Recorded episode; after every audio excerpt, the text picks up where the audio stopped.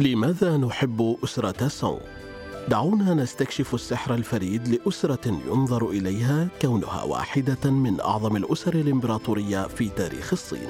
الحلقة الثانية: أسرار لفيفة الطومار.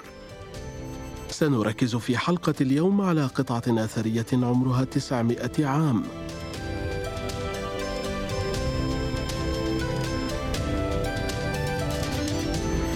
إنها مجموعة محفوظة في متحف القصر بالمدينة المحرمة في بكين.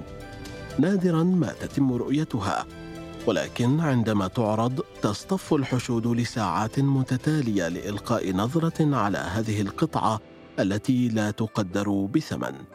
من ماذا تتكون؟ وما الذي يجعلها ذات قيمه كبيرة للمؤرخين اليوم؟ وما أهميتها في سعينا لفهم الجاذبيه التي تتحلى بها أسرة سونغ. معكم أحمد شلش في هذه السلسلة الصوتية لماذا نحب أسرة سونغ التي تسلط الضوء على أحد أبرز المعالم في تاريخ الصين العريق.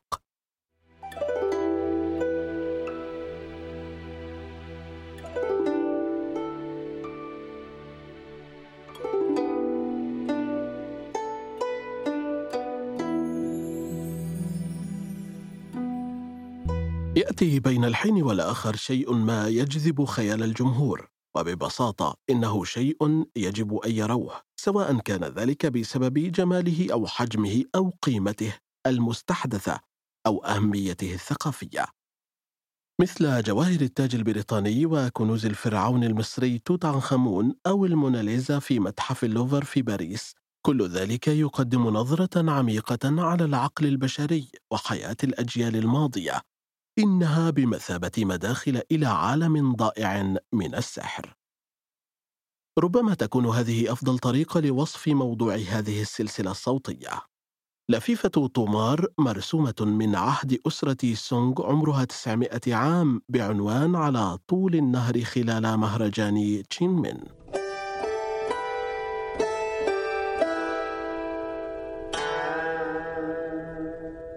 عندما تنظر للوهلة الأولى تجد أن الرسمة الموجودة على لفيفة الطومار تشبه تقريبا نسيج بايو وسلسلة كتب أين والي. يبلغ ارتفاعها 25 سنتيمترا وهو ما يقارب ارتفاع نسيج بايو الذي يؤرخ أحداث معركة هاستينغز عام 1066 إنها ليست طويلة تزيد عن خمسة أمتار قليلا. لكنها تتفوق على منافسها الفرنسي النورماني في التفاصيل المذهلة التي تحتوي عليها.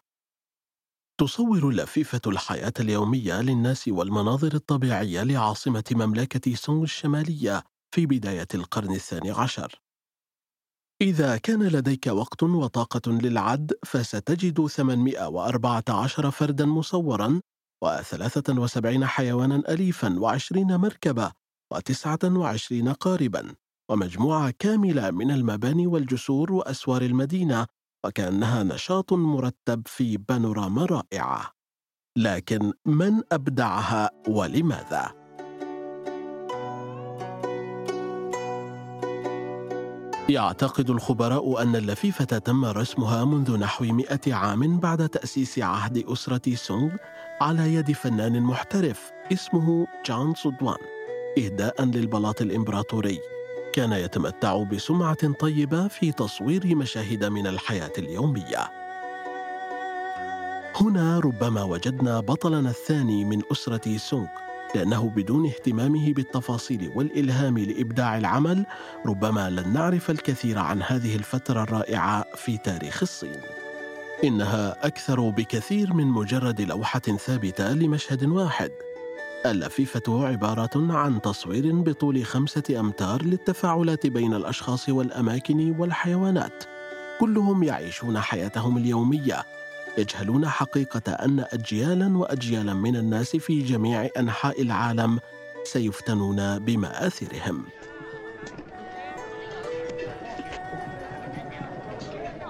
يعتقد أن لفيفة على طول النهر خلال مهرجان تشينمين تمثل الحياة على ضفاف نهر بيان في مدينة بيانجين التي كانت العاصمة آنذاك في أسرة سونغ الشمالية. وتعرف الآن باسم كايفانغ لكي تدرك موقعها إنها في مقاطعة خنان.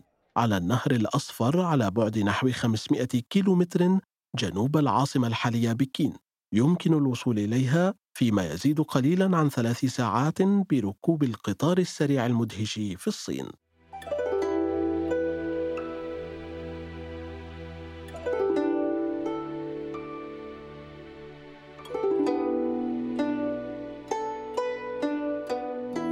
يمكن وصف اللفيفة البانورامية بلطف على أنها مشهد مختال أو بصراحة فوضى عارمة. يمكن أن تقسم إلى ثلاثة أقسام الريف ومشاهد على طول النهر ثم الشوارع داخل المدينة سنتحدث أكثر عن المشاهد التي تم تصويرها في العمل الفني في نسختنا القادمة من السلسلة الصوتية لكن أهم الأشياء أولاً ما معنى العنوان؟ في لغة الماندرين الاسم الكامل هو تشين من شانخ تو والذي غالبا ما يترجم على أنه على طول النهر خلال مهرجان تشين من. ولكن هذه ليست القصة الكاملة ويتجادل الأكاديميون كثيرا حول المعنى الفعلي لتلك الكلمات. جزء شانخ تو لا يوجد جدال حقيقي حوله. هذا يعني صورة على طول النهر لكن تكمن الصعوبة في تفسير جزء تشين من الذي يعني ببساطة واضح ومشرق أو سالم ومنظم. أو يشير إلى المهرجان التقليدي الذي يحمل نفس الاسم في الحقيقة. ربما هو كذلك وربما أراد الفنان ببساطة أن يظهر مشهدا من الازدهار والحياة الطبيعية على طول ضفة النهر.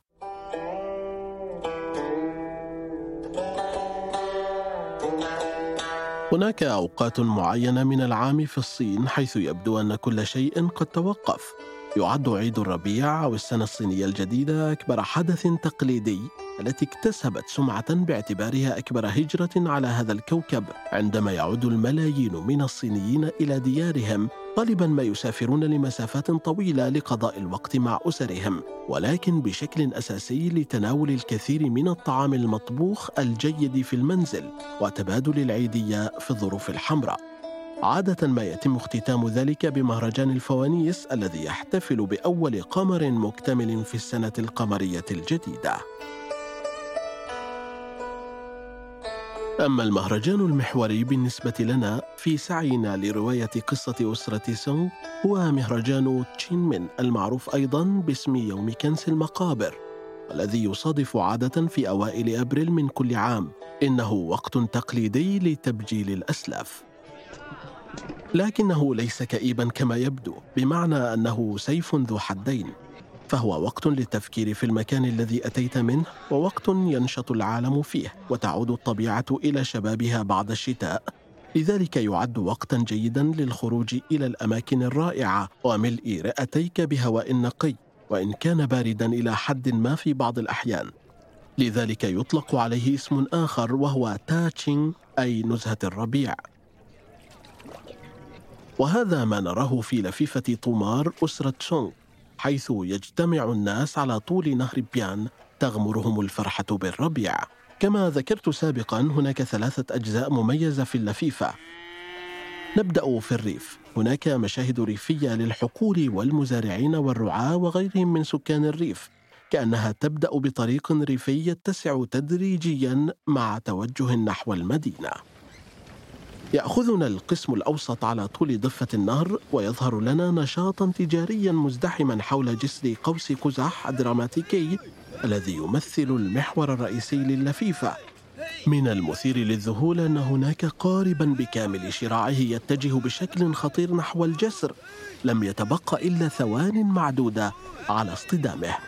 وهناك أشخاص محتشدون فوق الجسر ويصيحون محذرين للطاقم ورجل على القمة ينزل حبلا لأذرع البحارة الممدودة في الأسفل فهل يمكنهم تجنب الكارثة؟ في القسم الثالث أي قسم المدينة توجد متاجر ومكاتب ومباني أخرى تمتلئ الشوارع بالمسؤولين والباع الجائلين والمتسوقين والحمالين والزبائن وحتى المتسولين غالبا ما يصعب على الناس اليوم تخيل كيف كانت الحياة اليومية في الماضي إلا إذا كان لديهم كاميرات أو هواتف ذكية. لكن حسنا ربما يكون هذا هو أفضل شيء مقبل رسم تفصيلي للأشخاص يعكس حياتهم اليومية. إن ما يجعل لفيفة الطمار هذه كنزا خاصا هو الطريقة التي تعرض بها الحياة اليومية لأهالي أسرة سونغ بتفاصيل دقيقة. ملابسهم وعاداتهم وهندستهم المعمارية بل وحتى العواطف وهو شيء لا تظهره الكثير من المصنوعات اليدوية التاريخية لكن كيف تفاعلت كل هذه الأشياء معا؟ في كل مكان توجد حركة لا يقف أحد ساكنا يقوم الفنان بإحياء أسرة سونغ أمام أعيننا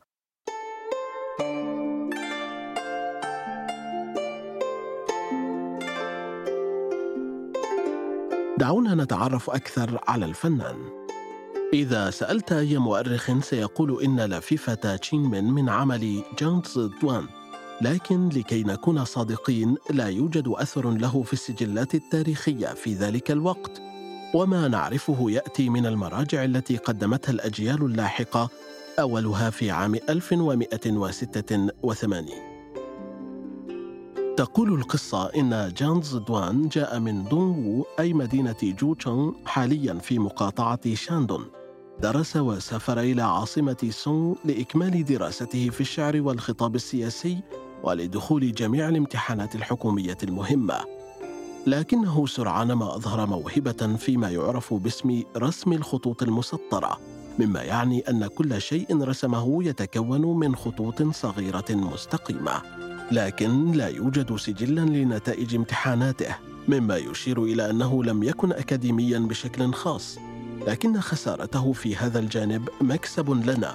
لو أنه اجتاز امتحاناته فربما أصبح كاتبا بسيطا في مكتب رسمي. ولما كانت إحدى أعظم القطع الفنية في العالم ستخرج للنور. وهذا قدر ما نعرفه. قد يكون الرسام غامضا لكن أعماله الفنية مليئة بمعلومات قيمة عن الحياة اليومية في عهد أسرة سونغ